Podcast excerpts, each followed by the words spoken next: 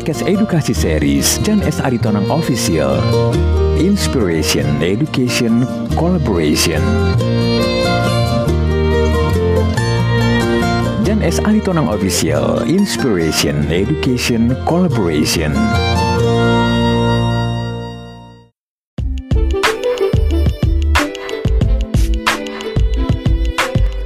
Kuliah umum dengan topik gereja berpengadilan ini disajikan untuk memperlengkapi para peserta didik dengan pengetahuan, wawasan, informasi, study case secara empiris mengenai gereja dan hukum dalam konteks berpengadilan dari nilai-nilai teologis historis, aspek etika, eklesiologi, dan pastoral, serta memahami konteks bagaimana menegakkan prinsip kebenaran dan keadilan secara biblikal dalam peradilan dan pengadilan yang ada di Alkitab, baik Perjanjian Lama maupun Perjanjian Baru.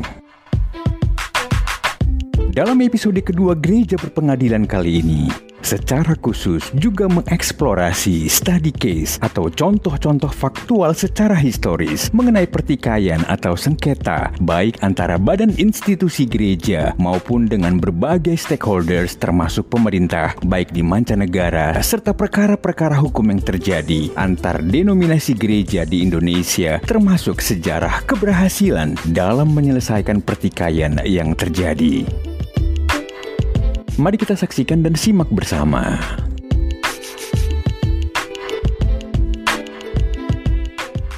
Profesor Dr. Ian S. Aritona, guru besar di bidang sejarah gereja di SDT Jakarta, guru saya, guru kita semua, yang akan bicara bersama tentang apakah gereja boleh berpengadilan.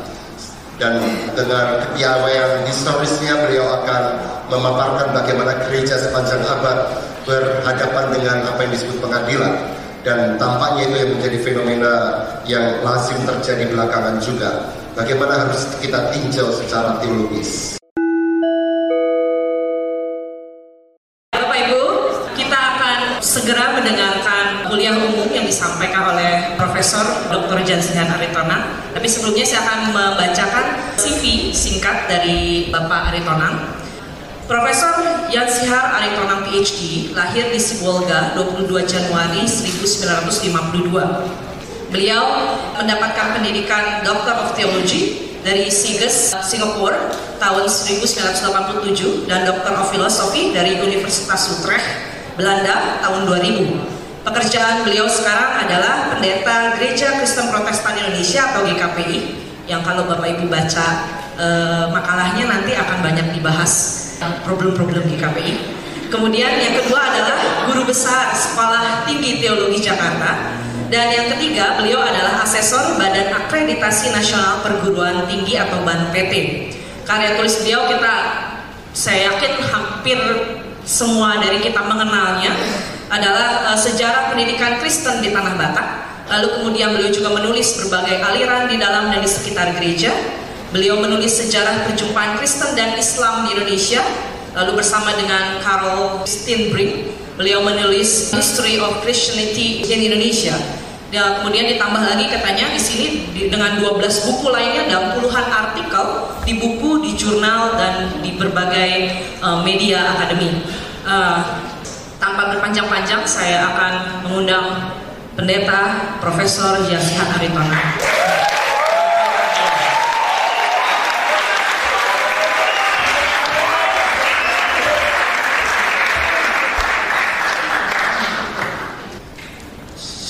Proses reformasi baik di antara gereja Katolik dan gereja Protestan maupun di antara sesama gereja dan tokoh Protestan banyak terjadi pertikaian yang menyeret mereka ke pengadilan.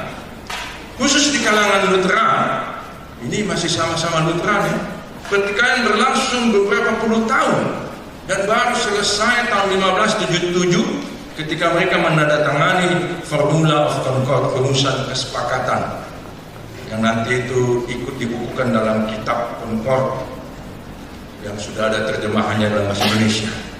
Nah tidak mudah mengukur hasil atau akibat dari pertikaian itu bagi perkembangan gereja, khususnya gereja-gereja yang menyebut diri Lutheran.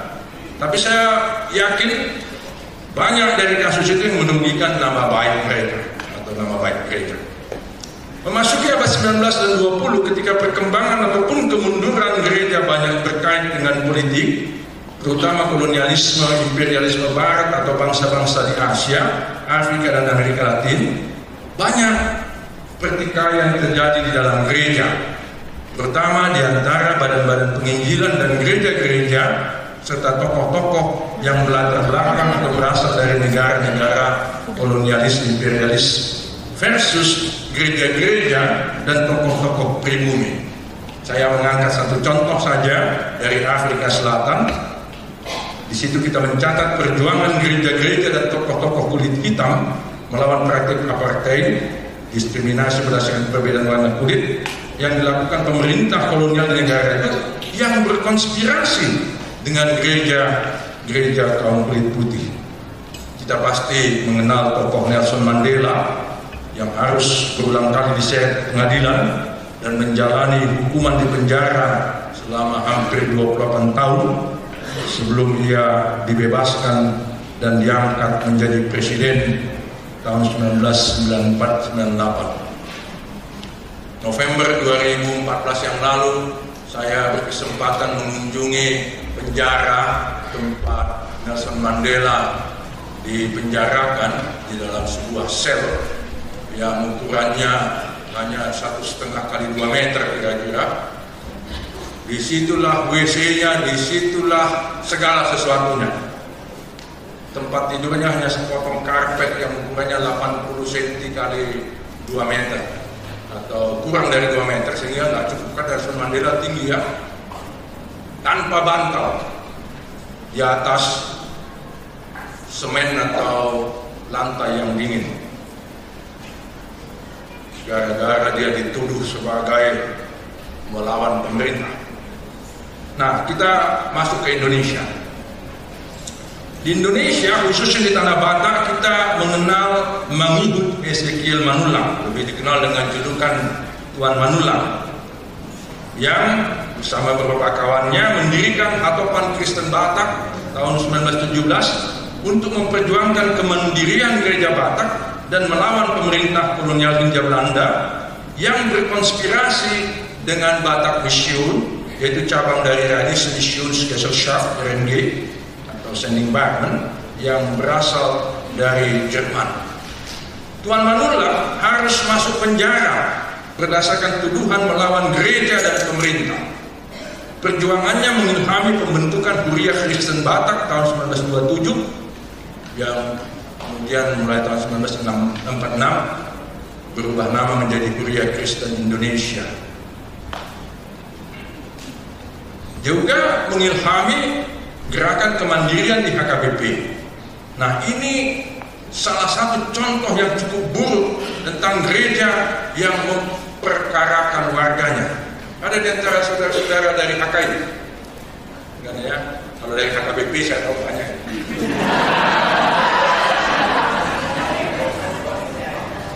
Waktu itu namanya belum AKBP, tapi itulah para pemimpin gereja yang nanti belakangan jadi AKBP namanya menyeret. Padahal sebenarnya Mangihut Nisikil Manulang ini pelayan juga di gereja gereja Batak, itu namanya Kuria Batak, tamatan seminari, seminari Narumomda, tempat sekolahnya calon pendeta atau calon guru kuliah mirip-mirip sekolah kita. Ini kan nah, ditangkap, dipenjarakan dan seterusnya setelah Indonesia merdeka di kalangan gereja-gereja protestan yang jumlahnya kian hari kian banyak terjadi banyak pertikaian internal dan banyak yang dibawa ke pengadilan. Entah menyangkut jabatan atau perebutan jabatan ataupun menyangkut aset dan keuangan. Di dalam serangkaian kemelut di HKBP Misalnya saya catat yang terjadi tahun 70-an 90-an tidak jarang kedua belah pihak yang bertikai membawa masalahnya ke pengadilan. Nanti kawan-kawan AKBP bisa menjelaskan lebih lanjut. Dan biasanya kalau berperkara pengadilan kan masing-masing mengklaim paling benar. Tidak ada yang mengaku salah di depan pengadilan. GPIB yang memarisi banyak aset berupa lahan dan gedung dari pemerintah India Belanda CQ de Protestant Kerk ini Trans India atau India Seker Gereja Protestan Indonesia berulang kali membawa masalah aset ke pengadilan. Kita catat misalnya kasus GPIB Fata tahun 90-an yang terakhir adalah kasus penjualan sebagian lahan di Pejambon. Kompleks GPIB Immanuel Jakarta saya kurang tahu sudah selesai bagaimana? Nanti kita dengar aja Sementara itu di bagian jemaat GKI Yasmin Bogor, cabang dan jemaat GKI Jalan Pengadilan Bogor memperkarakan pemerintah daerah atau pemerintah Kota Madya Bogor ke pengadilan karena membatalkan surat izin mendirikan bangunan IMB yang sebelumnya sudah diterbitkan. Kasus ini disidangkan hingga ke Mahkamah Agung dan GKI Yasmin dimenangkan. Bahkan kasus ini dibahas sampai-sampai ke PBB.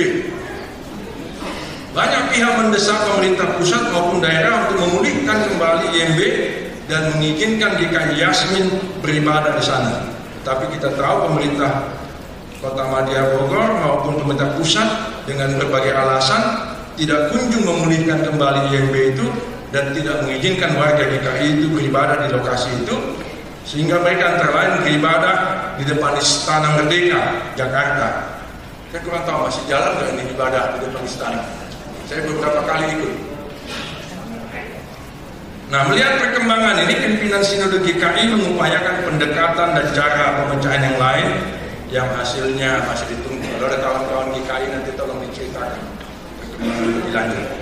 Nah, sekarang masuk ke gereja saya yang ajaib.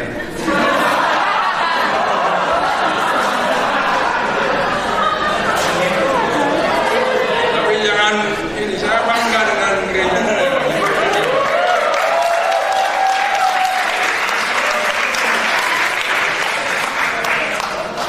khusus di Dalam kurun waktu lebih dari 50 tahun ini usia gereja kami akan memasuki 52 tahun tahun ini tidak sedikit kasus dan perkara yang dibawa ke pengadilan. Berikut ini dikemukakan beberapa contoh. Pada tahun 1970-an GKPI berperkara dengan HKBP hingga ke Mahkamah Agung menyangkut sejumlah lahan dan gedung gereja atau aset. Saya sebut di sini beberapa nama. Warga dan pelayan GKP di sana didukung oleh kantor pusat GKP mengklaim bahwa lahan dan gedung itu adalah milik mereka karena leluhur atau orang tua mereka lah yang dulu menghibahkan lahan itu dan membangun gedung gereja itu yang waktu itu masih bernama HKBP. Ayo punani nona jodoh mabuan sowen.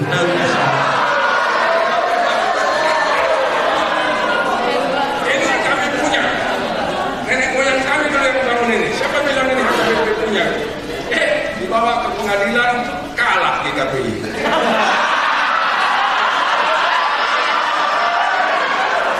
Sebab HKBP ternyata mempunyai bukti-bukti formal bahwa itu adalah milik mereka. Jadi kalah dalam perkara itu, pengadilan negeri hingga Mahkamah Agung memenangkan HKBP, semua aset itu kembali ke HKBP. Tapi ini adalah blessing in disguise. Ini justru membuat GKP dan HKBP jadi berkawan lagi.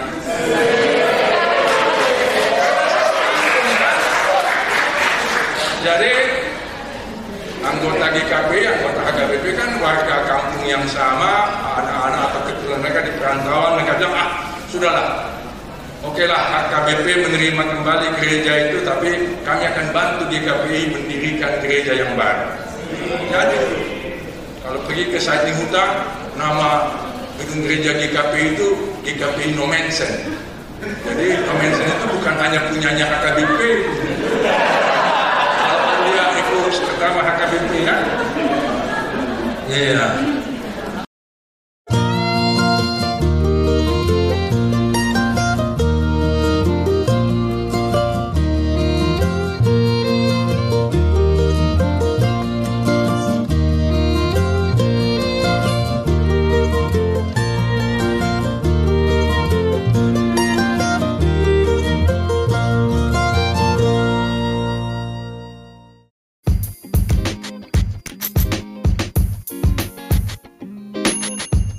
Komparatif yang dieksplorasi terhadap topik gereja berpengadilan ini diharapkan dapat memampukan peserta didik untuk memahami nilai-nilai fundamental, prinsip kebenaran, dan penegakan keadilan secara kontekstual dalam kehidupan bergereja dan bernegara saat ini, serta untuk mendapatkan inspirasi saat mengaplikasikan atau menghidupi nilai-nilai kebenaran dan keadilan tersebut dalam proses kehidupan, profesi, maupun pelayanan gerejawi, serta dalam kehidupan sehari-hari di masyarakat.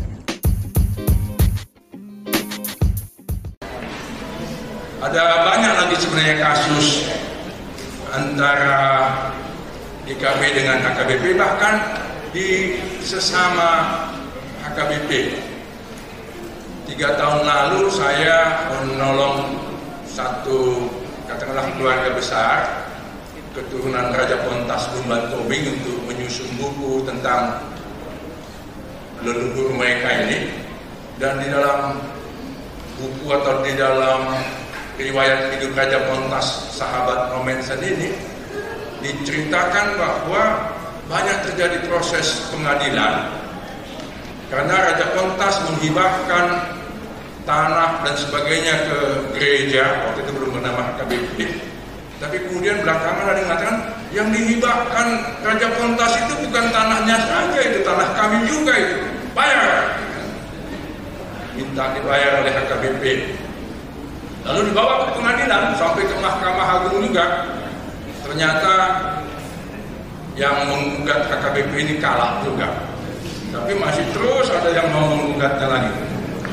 Ada satu gedung gereja dengan lahannya yang luas di Balige, Sumatera Utara atau di Tobasa, digugat oleh satu keluarga yang mengatakan ini tanah ini tanah kami ini. HKBP belum bayar ini. Gugat sampai ke pengadilan. Dulu kan kalau keluarga-keluarga menghibahkan tanahnya, bahkan mungkin banyak lagi kayunya, entah apanya, ke gereja kan nggak pakai surat. Kadang-kadang gereja juga lupa mengurus surat-suratnya. Lalu digugat orang tertentu mengatakan ini kami punya. Nah, kembali ke GKPI, contoh paling mutakhir terjadi pada pasca sidang Sinode Am beberapa bulan yang lalu muncul tuduhan bahwa keterpilihan saudara kita Pendeta Rosininta Huta Barat sebagai sekjen periode 2015-2020 adalah tidak sah. Alasannya antara lain bahwa yang bersangkutan tidak memenuhi syarat untuk dipilih menjadi sekjen menurut PT KPI. Tuduhan ini bergulir sesudah selesainya persidangan sinode itu dan ada kalangan tertentu yang menuntut agar yang bersangkutan diberhentikan sebagai sekjen padahal sudah dilantik di acara penutupan sidang sinode itu. Bahkan ada upaya membawa kasus ini ke pengadilan melalui sebuah kantor pengacara yang berkedudukan di Jakarta. Yang menarik dalam gugatan dan pengajuan perkara di pengadilan pematang ke tanggal sekian itu 24 November ada diktum menyatakan pimpinan sinode periode 2010-2015 di mana penggugat selaku bishop dan turut tergugat selaku sekjen tetap memimpin sinode GKP sampai perkara aku mempunyai keputusan hukum yang tetap. Nah ini membuat saya bertanya dalam hati apakah GKP tidak mampu menyelesaikan masalah ini secara internal berpegang pada ketentuan yang sudah disepakati apakah itu tata gereja, peraturan rumah tangga dan sebagainya tanpa harus membawa ke pengadilan. Dalam kenyataannya perkara itu sudah disidangkan mulai 12 Januari yang lalu dan sampai minggu lalu sudah yang ke-13 dan masih akan berlangsung tak sampai kapan dan bisa diduga nanti ini ada naik banding, ada kasasi tak sampai kapan selesai. Ada satu hal yang menarik dalam kasus ini. Sempat waktu itu disepakati bahwa saya sebagai pendeta paling senior di GKPI tahun depan saya 40 tahun jadi pendeta GKPI sayalah yang melantik bishop dan sekjen yang terpilih pada sidang itu tapi entah kenapa kemudian ada yang protes ah selama ini bukan yang paling senior sebagai pendeta yang paling senior sebagai apa umur dari segi umur jadilah kawan lain saya juga nggak mau ngotot apa perlu diabah itu soalnya Jadilah kawan lain melantik. Ternyata kawan yang melantik itu sekarang ikut-ikutan diseret pengadilan.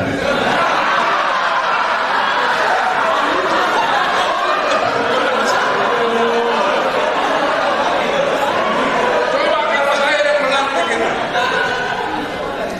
Di pengadilan ditanya oleh hakim atau siapa lah, atau pengacara, penggugat, Bapak melantik itu berdasarkan SK-nya. Wah belum ada Pak waktu itu pula acara pemilihan sudah sampai minggu pagi. Padahal pelantikan hanya beberapa jam kemudian belum sempat dibuat SK-nya. Jadi menurut Bapak yang Bapak lantik itu sah atau tidak? Oh enggak ya. Nah inilah sesama gereja berperkara. Menurut saya, membawa perkara seperti ini ke pengadilan memperlihatkan bahwa ada atau banyak gereja yang tidak mampu menyelesaikan masalah yang muncul secara gerejawi. Tadi kita ingat imbauan Rasul Paulus ya. Lebih dari itu, bila perkara ini sampai diajukan ke pengadilan, itu akan menimbulkan banyak komplikasi yang merusak citra gereja dan akan menghambat pelaksanaan tugas dan pelayanan gereja dalam rangka mewujudkan visinya dan menjalankan misinya. Perkara ini juga bisa memicu tuduhan dari warga gereja bahwa para pejabat gereja lebih getol berebut atau berperkara mengenai jabatan ketimbang melayani warganya maupun melayani masyarakat luas.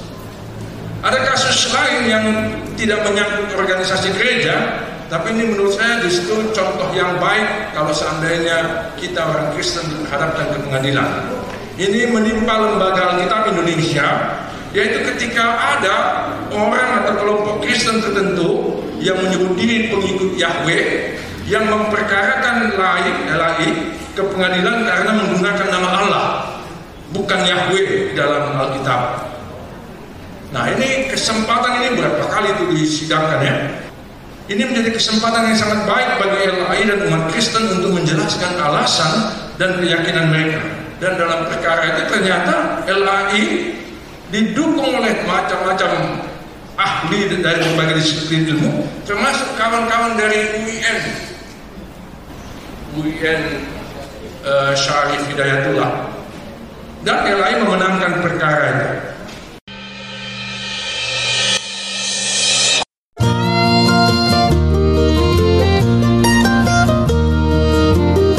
podcast edukasi series Jan S. Aritonang Official. Inspiration, Education, Collaboration. S. Aritonang Official. Inspiration, Education, Collaboration.